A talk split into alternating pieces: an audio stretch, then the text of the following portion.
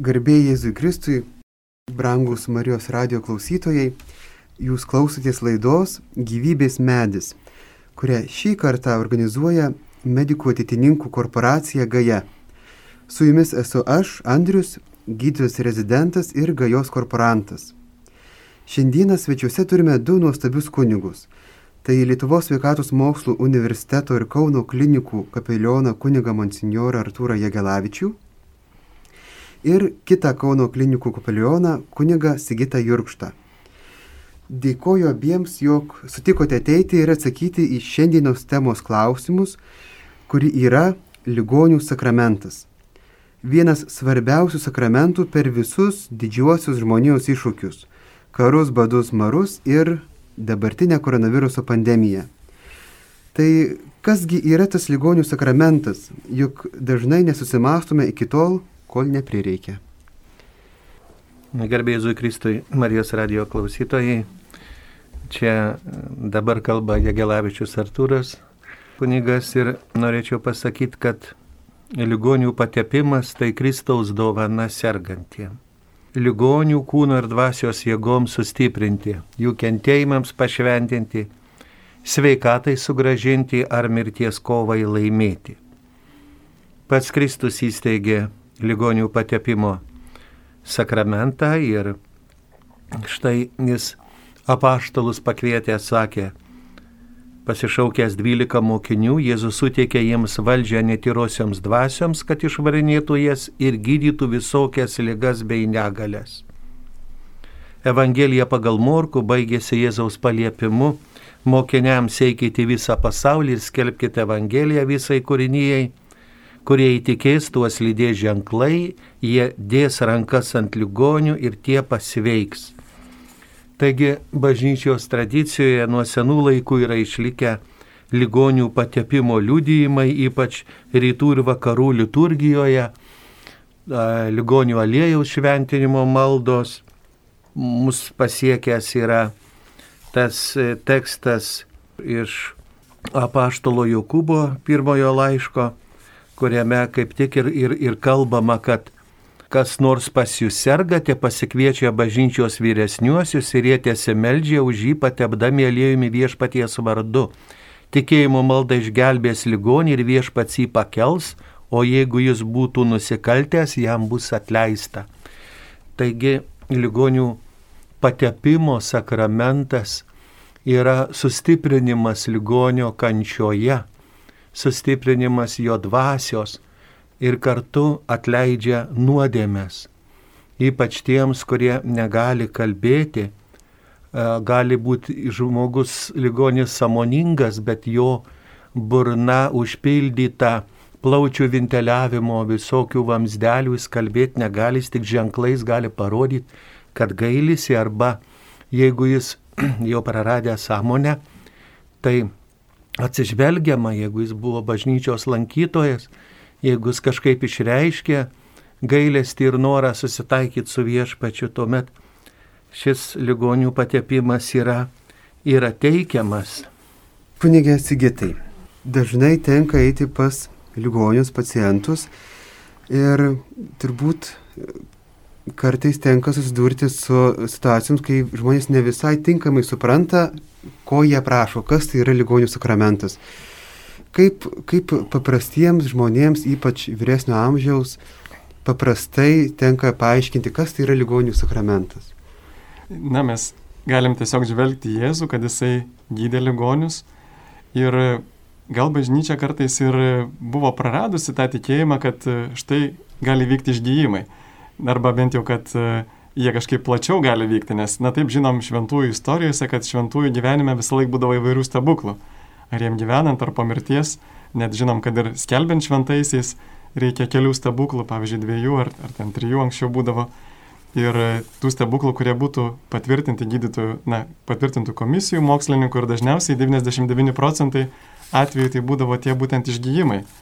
Taip pat žinom mergelės Marijos apsiriškimų vietose, daug gerai įvykę išgyjimų dokumentuoti net ir Šilovai, net ir, va štai, pavyzdžiui, yra toks filmas e, Daliaus Romanausko apie Šiluvą, kelias į Šiluvą ir tame filme viena moteris sena liudija, kaip e, ji nuėjusi į Šiluvą staiga pasveiko, praregėjo, buvo apakusi ir, ir patyrė tą išgydymo praregėjimo stebuklą.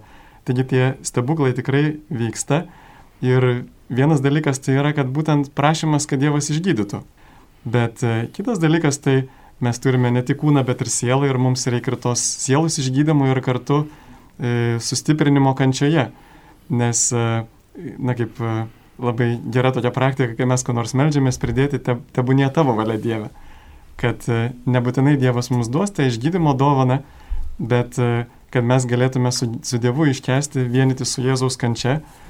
Tai vad, jeigu trumpai tariant, kad taip tai yra vienimasi su Jėzaus gelbstinčią tarnystę, prašymas išgydyti, bet kartu ir prašymas, va kaip man senioras minėjo, atleisti nuodėmės, prašymas sustiprinti kančioje.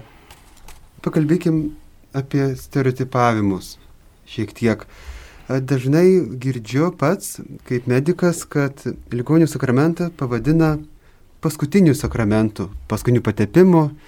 Ir tada man kyla klausimas, tai kaipgi tai vadinti ir ką žmonės turi galvoje, sakydami paskutinis? Kažkur tai apie 12 amžių bažnyčioje teologai pradėjo vadinti paskutiniu patepimu, nes e, kartu buvo atnešama šventoji komunija ligoniui. Teikdavo tokia nusistovėjo praktika jau sunkiai sergantiem prie mirties. Ir kažkur nutolo ta mintis, kad šis sakramentas yra pakeliantis, irgi maldos yra pakelti iš lygos patalo. Ir čia popiežius Pranciškus labai gražiai katekizuoja tikinčiuosius, sakydamas, kad gana dažnai ligonių artimieji neišmintingai dvėjoja, ar reikėtų sergančiam šeimos nariui pasiūlyti priimti ligonių patepimą.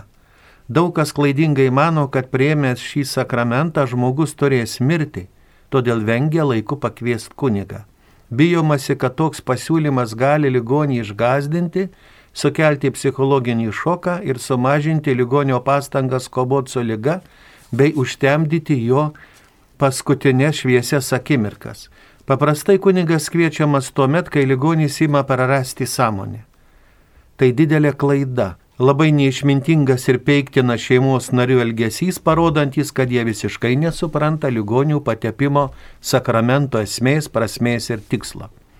Priešingai, ligonių patepimo maldomis pirmiausia prašoma sveikatos.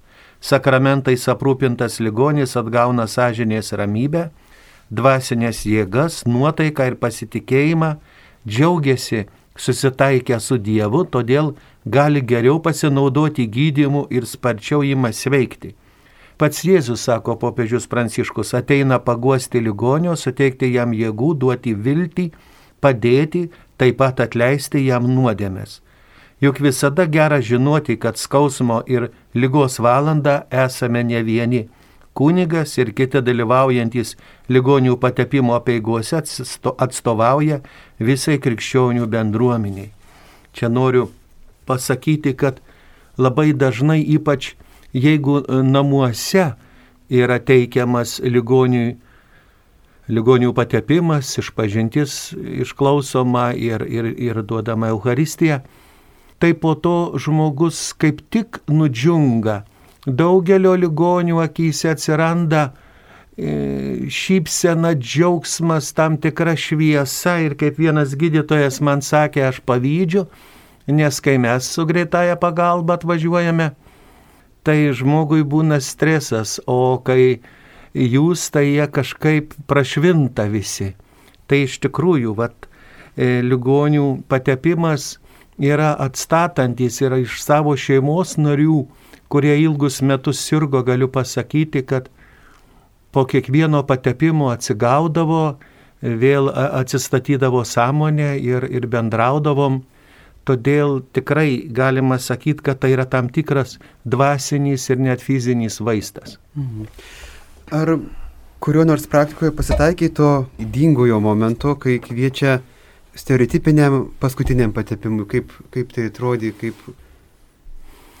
Kartą reanimacijoje suteikus ligonio patepimą vienam ligoniui, priejo vyriškis ir sako, jau ilgai kamuojasi mano tėvokas, taip jis pavadino savo tėtį, ar negalit jį patepti, kad jis tada ir numirtų?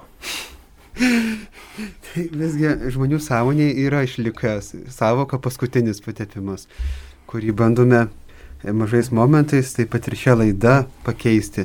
Tai vasigyti gal kokią praktiką ir tu turi. Ir, ir dar man norėčiau tą pridėti apie istorinį vystimąsi, kodėl tai, tai atsirado pati, paskutinis tas patepimas, kad, na, iš pradžio, kaip matom, jau labai labai ankstyva, jau net pačiam Jokūbo laiške yra, va kaip senjoras Artūras minėjo, yra tie žodžiai, jau buvo net apėgos patepti ligonius. Ir aišku, tas pats patepimas yra, na, toks ženklas, kuris, kaip ir visi sakramentai, yra skirtas mūsų tikėjimui stiprinti, kad štai čia ir dabar įvyksta va, ta Dievo malonė, nors iš tikrųjų pats Jėzus jisai gydydavo ir be ženklų, nebūtinai su ženklais. Ir kartais net buvo tokia e, praktika irgi pirmaisiais amžiais, kad aliejų pašventindavo ir žmonės patys galėdavo turėti tą šventintą aliejų ir pasitepti juo. Tik aišku, paskui buvo tokia šiek tiek gal ir pagunda e, truputėlį magiškai žiūrėti tą aliejų, kad štai va čia stebuklingas aliejus, jisai gydo ir taip toliau. Ir paskui vis prasidėjo tokie įvairūs teologų svarstymą, va štai, pavyzdžiui, kad ir 12-13 amžiuje, Tomas Akvinėtis, pavyzdžiui, teigia, kad tas sakramentas negali būti teikiamas vaikams ir tiem, kurie negali suprasti, va, patepimo, sakomų žodžių prasmės. Čia įsiskyrė tos nuomonės tarp dominikonų, pranciškonų, va, pranciškonai, Bonaventūras sakydavo, kad kad e, ligonių patepimas neturi būti teikiamas tiems, kurie gali pasveikti. Kitaip jisai atsit prarastų savo prasme, o dar Duns Škotas pranciškonas dar pridėjo, kad irgi geriausias gavėjas šio sakramentų yra tas, kuris daugiau jau nebegali nusidėti. Na tai kas nebegali nusidėti, jau tas, kuris jau yra visiškai jau ant, e, na tikrai neišgis. Tai pamažu tas nutolo ir aišku dar viena iš priežasčių buvo, kad tas sakramento populiarumas labai menko dėl to, kad tas sakramentas buvo dažnai siejamas su to, kad dvasininkas apsilanko ir jam reikia mokėti mokesčius. Na, kitaip sakant, sumokėti už tą, už tą apsilankymą ir dažnai ir klinikose būna, tikrai žmonės gal daugiau norėtų, bet jau nekartą teko girdėti, kad, nu, sako, jo, aš norėčiau, bet sako, aš pinigų neturiu. Tai va tas e, tikrai labai yra įdinga praktika tuos sakramentus, ypatingai dar gydimo sakramentus, sieti su, su kažkokiu tai užmokesčiu. O pavyzdžiui, net ir užsienį, net būna tokios praktikos, kad už išpažinti žmogus eina iš pažinties ir turi paukoti. Tai aš manau, kad ypatingai, kai klinikose mes turim tokią situaciją, kad mes gauname atlyginimą iš valstybės, tai tikrai galite drąsiai, jeigu jūsų guliai artimieji, tikrai drąsiai nesiūlyti jokių, jokių aukų kunigui, galite bet kada bažnyčią aukoti, bažnyčia išsilaiko iš aukų, bet va turbūt būtų negera praktika sieti ligonių sakramentų su aukomis kunigu, nes tuomet labai apsunkina irgi artimųjų motivaciją kviesti kunigą. Ir aišku, dar tada, kada e, jau kviečia paskutiniu metu, tai dažniausiai žmogus jau yra, jau nei komunijas nebegali priimti, jau nebegali net nuryti, net nebesupranta, kas ten vyksta. Taip pat jau net nekalbant apie išpažinti samoningą, nors jeigu būtų nors šiek tiek anksčiau pakviestas kunigas, jis dar ligonis galėtų visai samoningai atlikti išpažinti. Tikrai, va, kiek esu buvęs pas tokius sunkius ligonius, kadangi šiais laikais mūsų medicina yra pažengusi ir žmogaus gyvybę pratęsia daug ilgiau, negu jisai natūraliai gyventų, su įvairiais vaistais, su įvairiais dalykais, tai dauguma ligonių jau paskutiniais gyvenimo, nežinau, savaitėmis, gal net dienomis, gal net mėnesiais, jie būna visiškai nesamoningi. Ir tik labai nedidelė dalis ligonių, tokių mirštančių, kurie samoningai su, suprato, galėjau su jais pasikalbėti, va, prieš, prieš mirtį, kurie, bet dauguma ligonių tokioje būsenoje jie visiškai nesupranta, kas vyksta. Kanonų kodeksas katalikų bažnyčios sako 105 kanone, kad esant abejoniai dėl ligonio protinio savokimo pasiekimo, lygos sunkumo ar mirties, šis sakramentas turi būti teikiamas. Ir 1006 kanonas sako, sakramentas turi būti teikiamas tiem ligonėm, kurie būdami samoningi jo bent netiesiogiai prašė. Taigi bažnyčios kanonai sako, kad ligonių patepimas gali būti teikiamas tikinčiajam, kuris pasiekęs protinį suvokimą dėl lygos ar senatvės atsiduria pavojuje. O lygos sunkumui nustatyti kunigui pakanka protingai ir tinkamai ją įvertinti, o jeigu reikia, gali pasikonsultuoti ir su gydytoju. Visada galima ligonį patepti e, prieš operaciją, kai rimta lyga yra operacijos priežastimi. Senyvo amžiaus žmonės gali būti patepti, jeigu jie įti nusilpsta, nors ir neserga rimta lyga. Sergantiem vaikams šventą patepimą galima teikti tada, kai jie jau suvokia šio sakramento esmę ir naudą. Taigi tikintieji turi būti raginami prašyti patepimo, kai tik ateina metas jį priimti, nuoširdžiai tikėdami ir, ir tam atsidavę visiems slaugantiem ligonius. Turi būti aiškinama šio sakramento prasme ir tikslas. Pats ligonis ar jo giminės turi pakviesti kunigą laiku, kai kad šis sakramentas būtų priimtas pilnoj sąmonėje.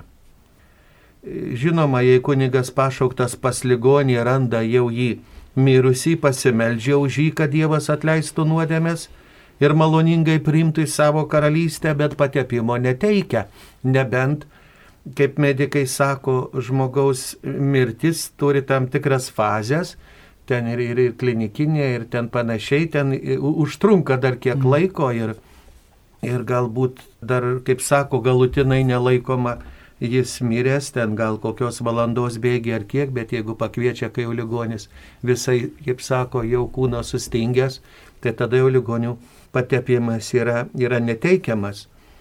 Toliau bažnyčios kanonai ir, ir katekizmas sako, kad jeigu ligonis gavęs patepimą pasveiksta, jis gali vėl gauti šį sakramentą iš naujo sunkiai susirgęs tos pačios lygos metu sakramentas gali būti pakartotas lygai pasunkėjus.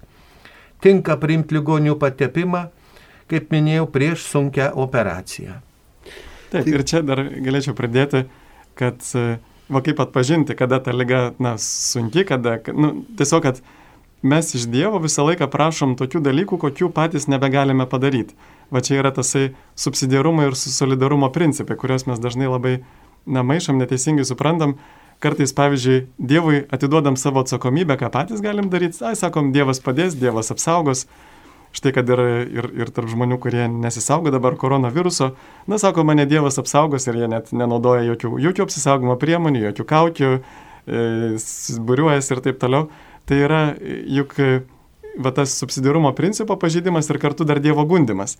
Tai va subsidiarumo principo ta prasme, kad aš turiu padaryti tai, kas nuo manęs priklauso ir viską, kas man nuo manęs priklauso. Pavyzdžiui, niekada nevyks toks stebuklas, kad, pavyzdžiui, štai pasimelsiu ir, ir man Dievas išvalys dantis. Nė vieno tokio stebuklo nėra įvykę pasaulyje. Tai lygiai taip pat ir su lygomis, kad jeigu tai yra lengva lyga, jeigu mano organizmas ir pats gali su juo susidoroti, tai aišku, kam čia prašyti Dievo nu, išgydymo, stebuklo, kai, kai pats organizmas su tuo susidoroja. Bet jeigu yra sunki lyga, jeigu yra tikrai reikalingi mums tas solidarumas jau, ta Dievo pagalba, kurios mes patys neturime savo jėgomis, Tai va čia visą laiką galim prašyti ir čia yra tas skirtumas naujojo sampratai nuo senos sampratos, kad anksčiau būdavo va, tas, kad negali būti kartojamas, kad tai yra, o štai dabar tikrai, bažnyčia sako, tai yra gali būti kartojamas ir tai tikrai nereikia vadinti net to paskutiniu patimumu. Ir dar grįžtant prie Dievo gundimo, kad štai jeigu žmogus, va taip nesisaugodamas e, visiškai gyvena, štai šitoj pandemijos situacijoje, kada kiekvieną dieną matom vis, vis auga susirgusių, užsikrėtusių skaičius, tai mes iš tikrųjų padarom netgi turbūt ne, nelengvą nuodėmę, kad tai yra visų pirma Dievo gundimas, tas pats kaip šokti nuo stogo ir sakyti, Dievas mane apsaugos. Va, kaip čia prisiminkim ir Jėzų velnės gundė, kad sako, šok nuo šventyklos ševlimens, juk parašyta, kad štai duosiu angelą, angelai nešios tave ant rankų. Na va, tai ir kita vertus, tai jau yra nuodėmė prieš penktą Dievo įsakymą, nes aš tampu potencialiu žudiku. Juk ta lyga yra, kaip žinom, labiausiai pavojinga vyresnio amžiaus žmonėms net keliasdešimt kartų padidėja tas e, tikimybė numirti nuo tos lygos vyresnio rizikos grupės žmonėms, negu, pavyzdžiui, ten kokį nors e, jaunesniam žmogui, nors jau esu laidojęs du žmonės 38 metų, 41 nuo koronaviruso, pradiškai mano amžiaus. Tai va, tai, tai žodžiu, tikrai neturėtų krikščionis užsimti tą tokiu Dievo gundimu ir tokiu visiškai lengvabūdišku elgesiu, kada daro, ką nori, ne, ne, nesisaugo ir sako, kad Dievas mane apsaugos, tai tikrai Čia yra subsidiarumo principo nesupratimas, kad Dievas nepadarys niekada gyvenime už mane tai, ką aš pats galiu padaryti. Tai mūsų senoliai labai turėjo gerą patarlę. Saugokis, tai ir Dievas padės. Tai kaip supratau, ligonių sakramentą gali priimti net tą pačią savaitę du kartus, jeigu yra reikalas. Arba net gali turbūt teoriškai tai pasitaikyti, bet mano, mano šeimoje buvo taip, kad per penkis metus penkis kart ir, ir teko, kai paumėja, kai susirga plaučių mhm. uždegimu ir aš savo dėdėjai teikiau. Ir dar viena, vienas e, toks būdas, kaip paraginti artimuosius, kad jie neišsigastų. Tai yra tokia praktika visą laiką, kad e, e, kunigai paprastai, kur turi galimybių, jie lanko ligonius savo parapijose reiškia, kad reguliariai atneša jiems komuniją, švenčiausią sakramentą, atneša išpažinties išklausavo, pavyzdžiui, kartą per mėnesį, jeigu pavyksta, ten pirmais mėnesių penktadieniais, kai kur yra tokia praktika. Tai štai tokia proga laisvai galim paprašyti ir ligonių sakramento, nes tada žmogus neišsigasta, čia jam nenumarinta atėjo, bet tiesiog reguliariai sustiprinti atneša jiems Kristaus kūną ir tuo pat metu pasimeldžia, kad Dievas stiprintų sveikatą. Taip. Tiesiog galima parodyti tą maldų tekstą, kaip patepimo metu, kaip malda yra kalbama, kad viešpats atleistų nuodėmės ir sustiprintų ir, ir, ir galutinė malda jau apie jeigu pabaigoje. Ten, ten viskas labai gražiai pasakyta, kad, kad, kad pakeltų iš lygos. Bet kas priima ligonių patepimą, turi nuoširdžiai gailėtis už savo nuodėmės, nes tai yra nuodėmės atleidžiantis taip pat sakramentas, jei tik tai ligonis sugeba ir ligonis turi pasirengti gerai išpažintimi, e, privalo tvirtai pasitikėti, kad jam padės ir lyga panaudos sielos išganimui, atsivertimui, nes Kristus yra lygos ir mirties nugalėtojas. Ir dar man norėčiau pridurti apie tą sampratą ir ligonių sakramento, kodėl bažnyčia dabar e, atsisako to pavadinimo paskutinis patepimas, bet ligonių patepimas. Ir ta samprata keitėsi ypatingai su Vatikano antrojo susirinkimu, čia e, praeito, praeito amžiaus. Ir tas e, supratimas turbūt irgi buvo susijęs su diskusija apie charizmas, apie tas šventosios dvasios dovanas, taip pat ir apie gydimo dovaną. Ir buvo viena pozicija vienų teologų, kurie sakė, kad štai tik šventieji turi tas charizmas, o kita buvo pozicija, kad charizmas Dievas dalyja kiekvienam kaip nori ir kad ji kaip tik yra kvietimas į šventumą, bet žmogus nebūtinai bus šventas, jeigu jis turi gydimo dovaną, pavyzdžiui nebūtinai yra šventas, bet tiesiog Dievo dovana, kad jis galėtų tarnauti kitiems ir siekti šventumo. Tai va štai e, buvo primta va ta būtent antra pozicija, kad šventoji dvasia dalina charizmas ir ypatingai tas charizminis atsinaujinimas, e, tie liaudiškai vadinami charizmatai, charizmatų judėjimas, šventosios dvasios atsinaujinimas, tiesiog net pranokęs e, bažnyčių ribas, ne tik katalikų bažnyčia, bet prasidėjęs ir protestantų, ir evangelikų, sėkmininkų bažnyčiose.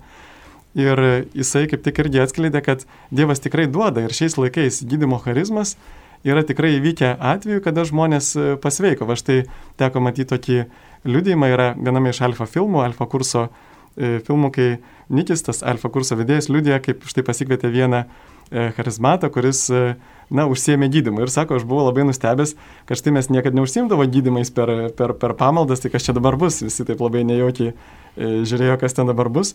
Na ir tas žmogus gavo e, pažinimo žodžius, kad štai va, ten dešimt ar kiek žmonių, štai tokia ir tokia situacija ir kartais net buvo tie žodžiai labai tokie netgi detalūs, va štai tas žmogus ten kirsdamas malkas, ten susižeidė, ten tą susilaužė, tą, na, žodžiu, visiškai sakė, nu, jau nieks jau tikrai neatsiras. Ir tikrai atsirado tie žmonės, kurie buvo tose situacijose patyrę kažkokius tai e, ligas ir panašiai, vienas žmogus, žmogus ten prisimena iš nevaisingumo turėjo ir taip toliau. Ir jis vis juos visus pakvietė, meldėsi už juos ir jie visi pasveiko.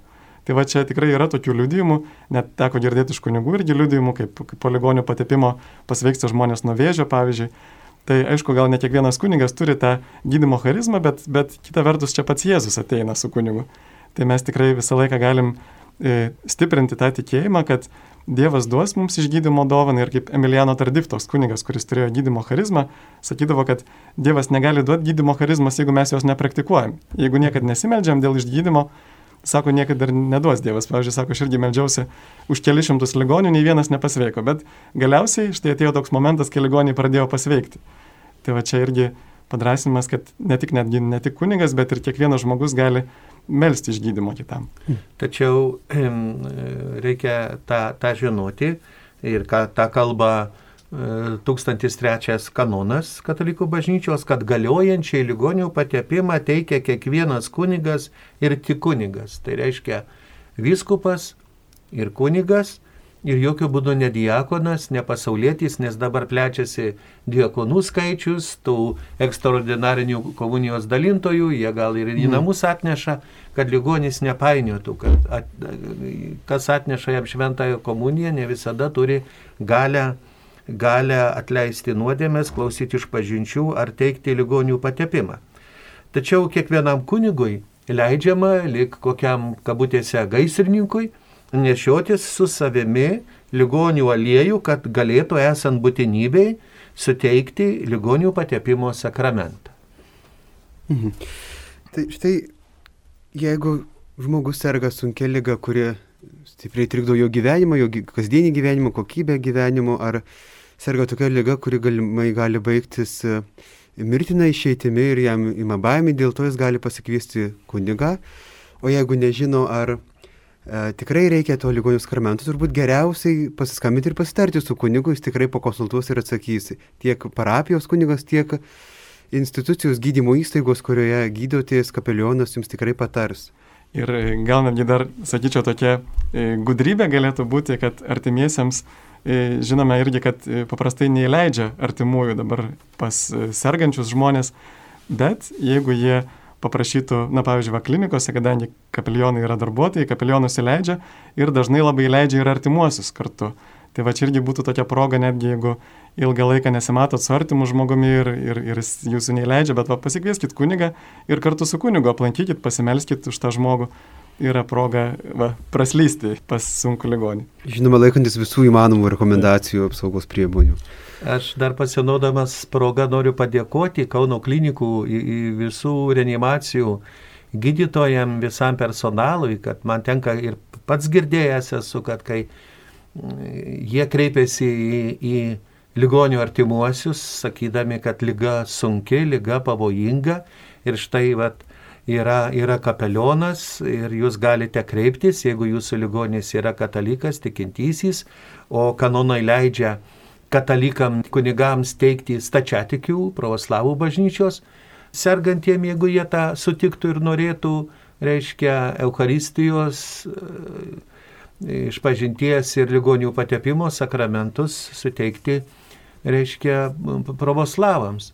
Tai toks, bet vat, man labai patinka, kad tas personalas Kauno klinikų labai, labai gražiai yra, yra katalikiškai orientuotas priminti, kad kad yra, yra ir, ir, ir susitaikymo su Dievu malonė.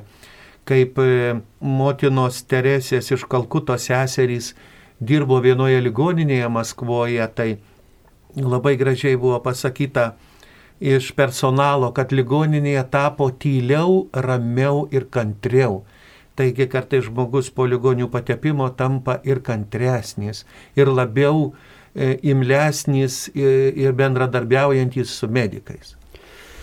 Kita mintis man tokia kyla, kad e, viena iš abejonių kylančių, dėl ko nesikviečiama yra kunigo e, sakramentų šiam, tai yra tas, kad žmonės nesupranta, kaip tai atrodo, kas tai yra, ką man reikės daryti, ką man reikės atsakyti, o Dieve, aš nežinau, man bus gėda. Kaip tai atrodo ligonių sakramentas? Ar tai labai sudėtingas procedūra, tai labai sudėtingas reikalas? Tos e, apėgos nėra ilgos iš tikrųjų ir tai yra, e, na, tas apėgas sudaro visų pirma gailėšio aktas arba išpažintis, jeigu dar yra įmanoma, tada Evangelijos ištrauką paskaitome, kartu gali kuningas kokį žodį tarti, tada yra maldavimai, na tiesiog kaip ir per šventasis mišes, o tos dalis mes melžiamės kartu už kitą žmogų. Ir tada yra ligonių sakramentų tokios apėgos, tai visų pirma, aliejus, tokio, na, padėka Dievo pagarbinimas už dovanas, už, už, už tą šventintą aliejų ir ten tiesiog žmonės tris kartus turi atsakyti, esi pagarbintas Dievas. Ir paskui yra ta pati formulė, kurią kunigas e, patepa aliejumi ligonio kaktą ir, ir delnus, bet nebūtina delnus patie, patekti, jeigu ne, nėra galimybės jų pasiekti. Bet tiesiog yra patepimas, prašant, grinai tose žodžiuose yra prašant išgydymo.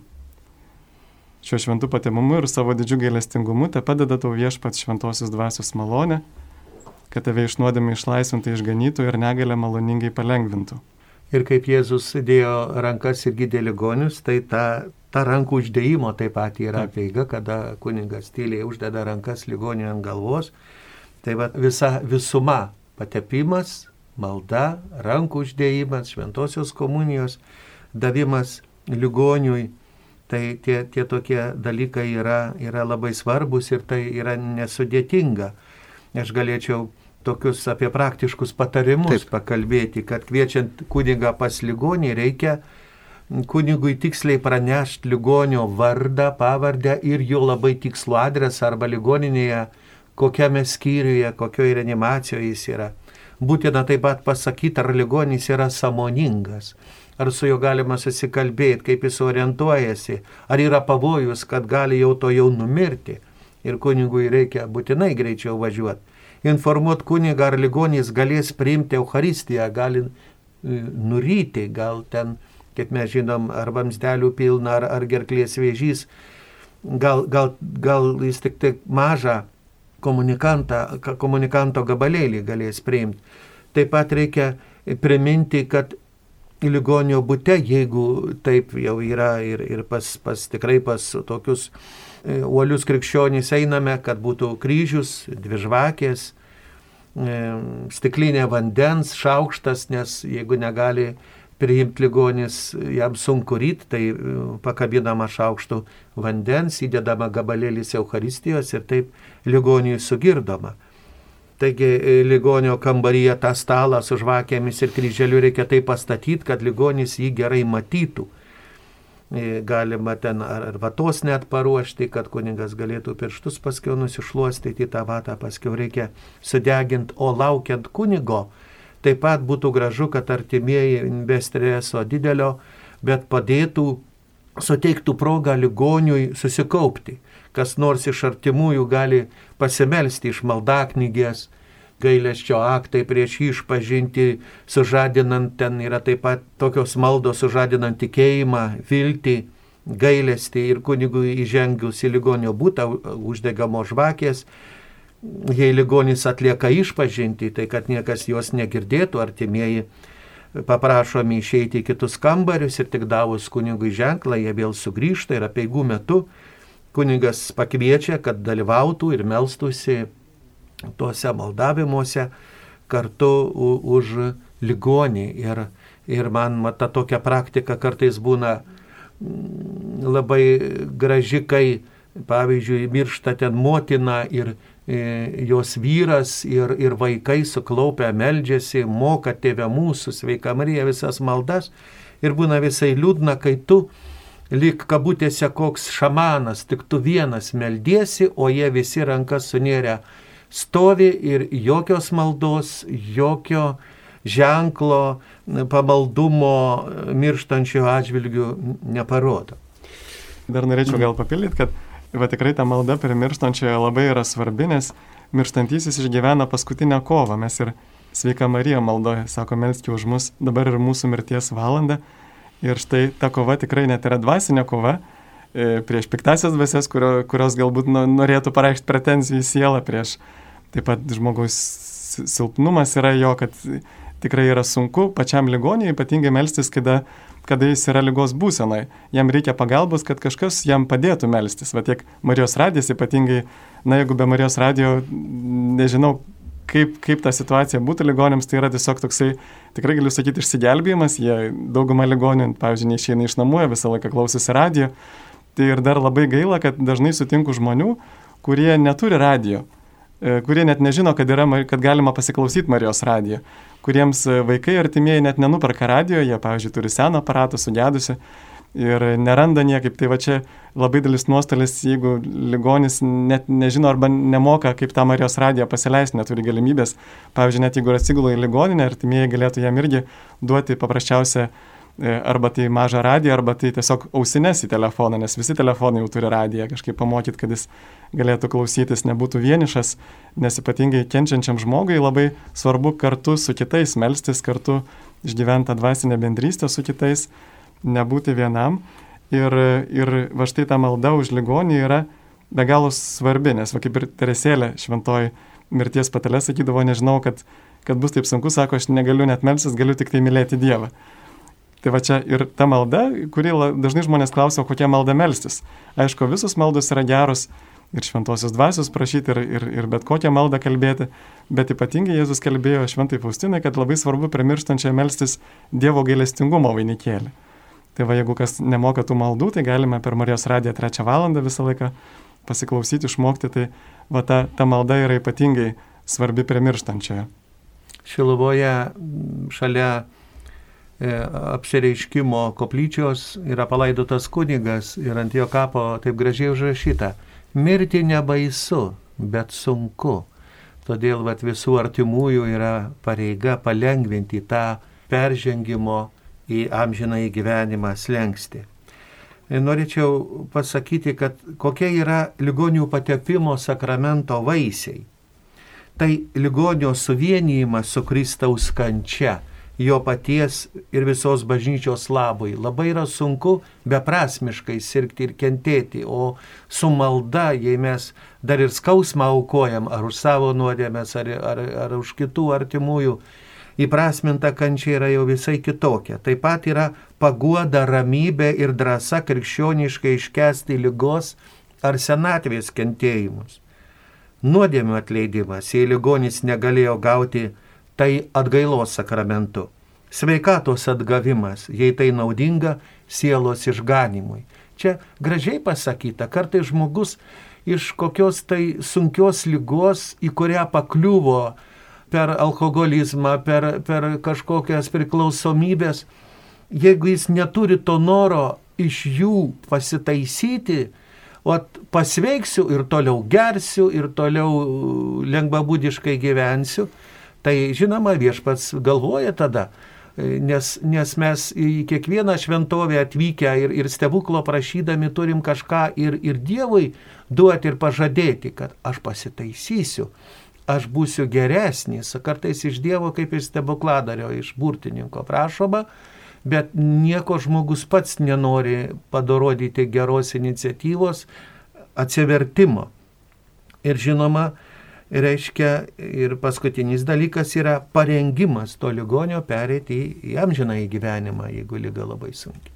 Aš dar norėjau irgi papildyti, čia labai gerą mintį monsinjoras pasakė apie tą pasitaisimą.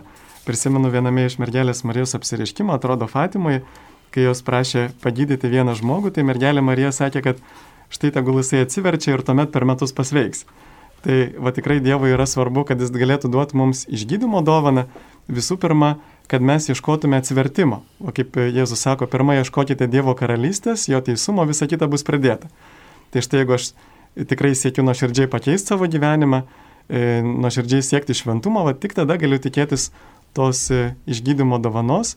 Ir netgi šventasis tėvas Pijus irgi tokį vieną kartą liudijimą yra sakęs, kad pas jį daug žmonių kreipdavosi e, dėl užtarimo maldos, daug žmonių pasveiko jo užtarimu, bet vienai moteriai jisai sako, žinai, sako, tu neprašyk išgydymo Sako, tu esi viena iš nedaugelio sielų, kurios moka kentėti, tu geriau savo kančią paukok už nusidėlio atsivertimą. Va Jėzus trokšta tokių aukos sielų ieškoti, kurios sutiktų dosniai kentėti kartu su Jėzum, vienyti su juo ir tapti jo išganimo darbo bendradarbiais. Tai štai yra irgi svarbus momentas, kad savo kančią, na, jinai aišku yra blogis, bet, bet Jėzus net ir blogus dalykus gali perkeisti didžiausią gėrį. Važiuokit, Jėzus nukryžiavimas, Dievo Sūnaus nužudimas mums tapo pačiu didžiausiu gėriu mūsų išgelbėjimu. Tai lygiai taip pat ir žmogus gyvenime kančia gali padėti ir priartėti prie Dievo ir, ir kartu netgi dvasinė prasme tai gali būti kaip atlyginimas už savo pasaulio nuodėmės, netgi įrankis padėti žmonėms atsiversti, padėti nusidėlėms atsiversti. Už tai kokiu momentu pastebėjote, šios pandemijos akivaizdoje, e, kas pasikeitė e, kunigiškoje tarnystėje, kas įvyko tiek pasaulio, tiek, tiek Lietuvos atžvilgiu?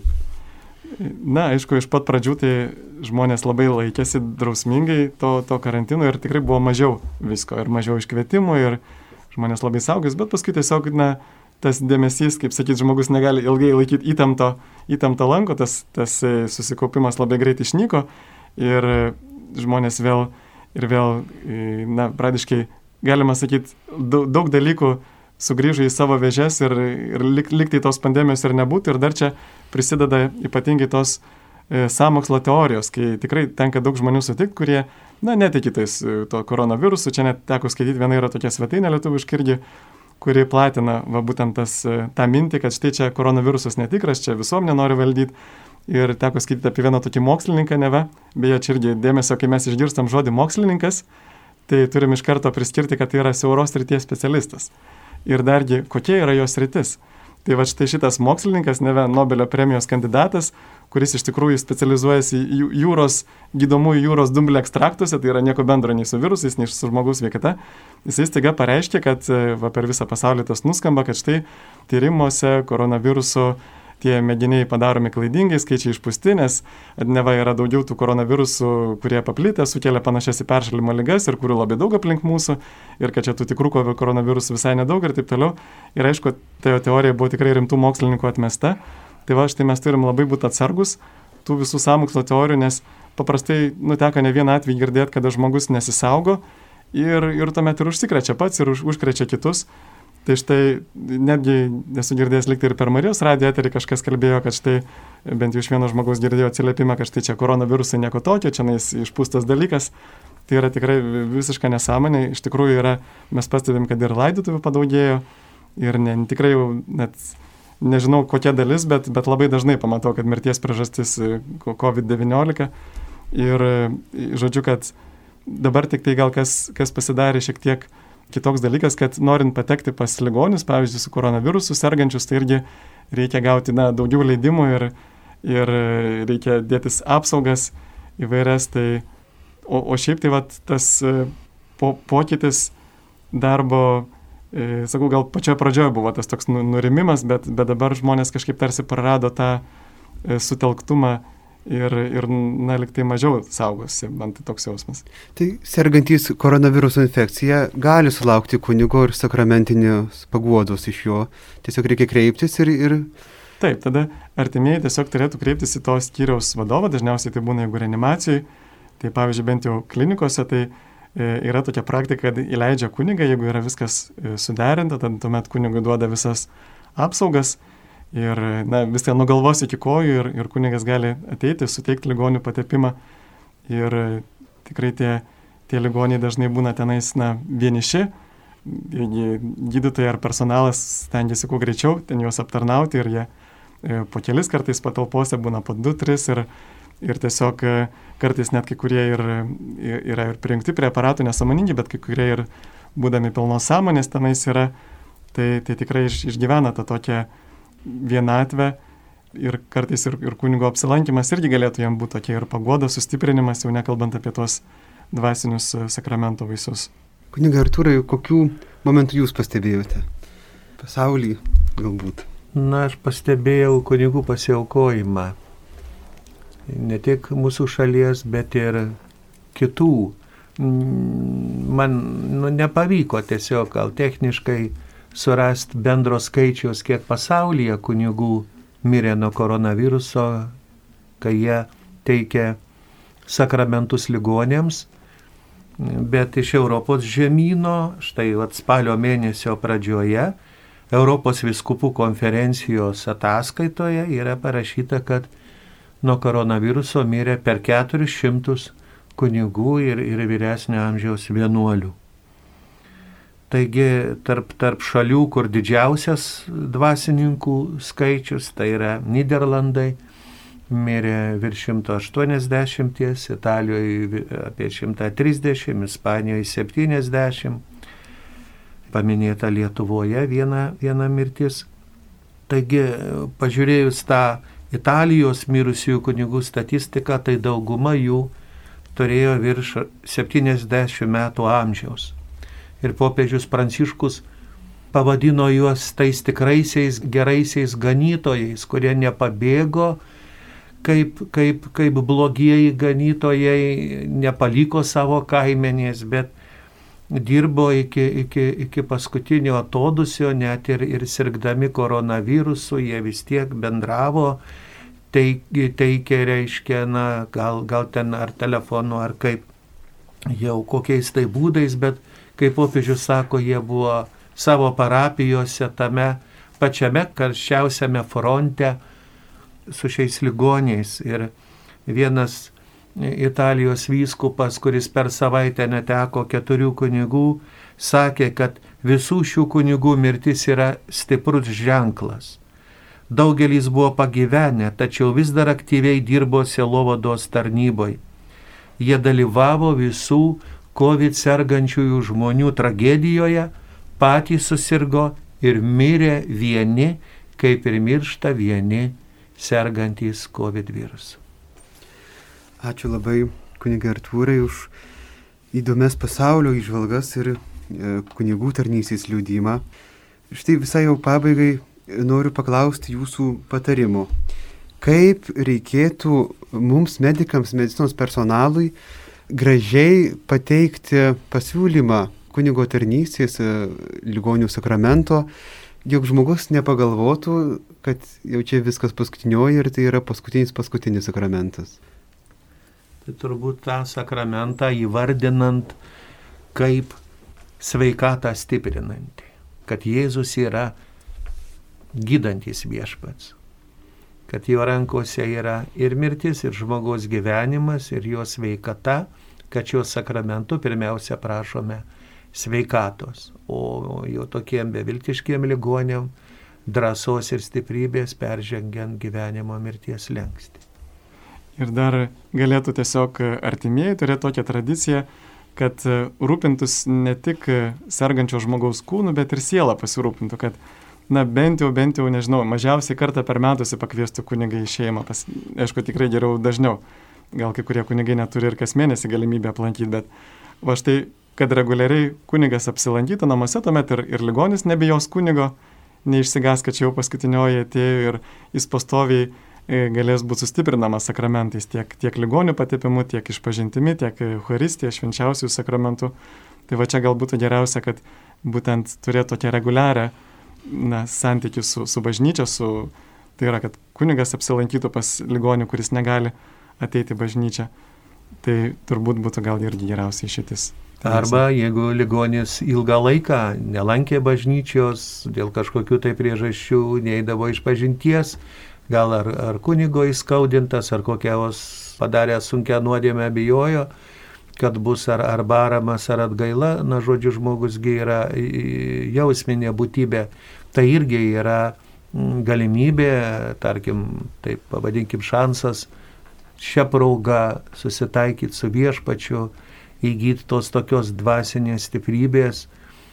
Aš dar gal norėčiau dar pabaigai tokį, irgi dar, nu, tokį paraginimą dėl, e, dėl tų nesisaugojimų, dėl tų visokių samokslo teorijų pasakyti, kad va teko skaityti vienoje knygoje apie šiek tiek kitas rytis buvo apie tornadus, kur Amerikoje žinoma yra daug tornadų ir daug žmonių tenais e, nukenčia nuo jų. Ir buvo darytas toks tyrimas, kai žmonės vienoje vietoje, vienoje dalyje Amerikos buvo tokia jų fatalistinė pasaulyje žiūra, kad ai, kaip bus, tai bus, jau čia nieko nepakeisi, toks likimas.